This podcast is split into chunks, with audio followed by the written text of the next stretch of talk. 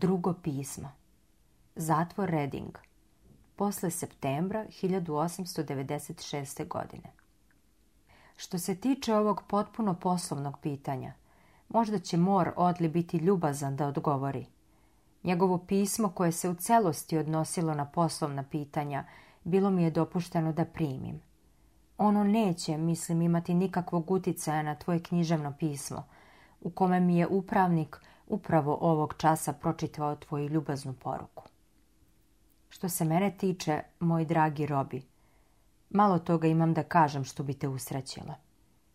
Odbijanje da mi se ublaži kazna bilo je nalik udarcu olovnim mačem. Ošamućen sam od prituljenog bola. Hranio sam se nadoma, a sada duševna muka narasla i gladna hrani sebe mnome. Pojavilo se međutim prijatnijih elemenata u ovom zlom zatvorskom vazduhu nego što ih je ranije bilo.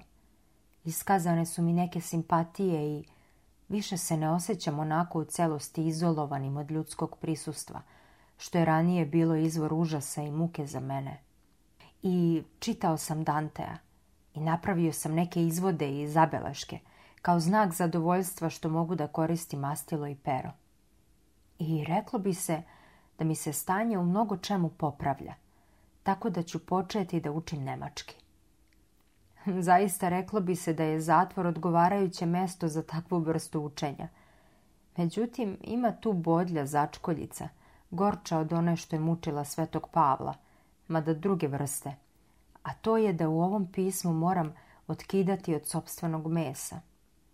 Uzrokovano je porukom koju si napisao na onom parčetu papira. Za mene, osjećam koje budem držao u tajnosti, može narasti u mojoj glavi, kao što otrovne stvari rastu po noći i zauzeti mesto pored drugih užasnih stvari koje me glođu.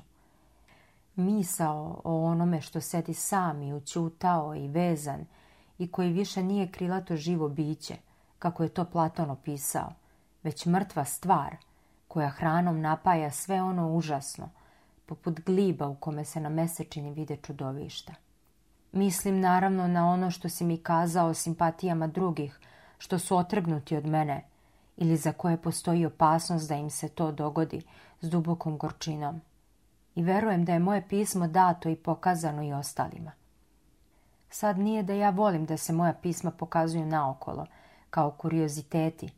Smatram to vrhunskim neukusom. Pišem ti u celosti kao jednom od svojih najdražih prijatelja koje imam – ili koga sam ikada imao. I uz par izuzetaka simpatije drugih veoma me malo dodiruju. Nijedan čovek mog položaja ne može se zaglibiti u močvaru života, a da ga njegovi podređeni u velikoj meri ne saželjevaju zbog toga. A znam isto da se, kada komad predugo traje, gledaoci umore. Moja tragedija traje više dugo – Klimaks joj je okončan, kraj je opak i ja sam potpuno svestan činjenice da ću se, kada dođe svršetak, vratiti kao nedobrodošao posetila cvetu koji me ne želi. Revenant, kako francuzi kažu. I onaj kome je lice sivo od dugačkog tamnovanja i izbrazdano bolom. Koliko god da su strašni mrtvaci kada ustanu iz svojih grobova, živa bića koja izađu iz svojih grobnica, ipak su još strašnije. Svega ovoga sam ja i suviše svestan. Kada neko provede 18 užasnih meseci u zatvorskoj ćeliji, on vidi stvari i ljude onakvim kakvi zaista jesu. Taj prizor pretvori ga u kamen. Nemoj misliti da bilo koga krivim za svoje poroke. Moji prijatelji malo šta imaju s njima, kao što i ja nemam mnogo toga s njihovim porocima. Što se ovoga tiče, priroda je svima nama maćeha. Krivim ih što ne cene čoveka koga su uništili.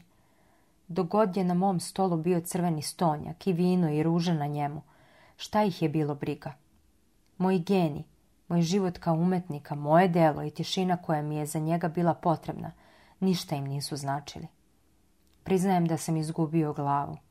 Bio sam zbunjen, nesposoban da prosuđujem.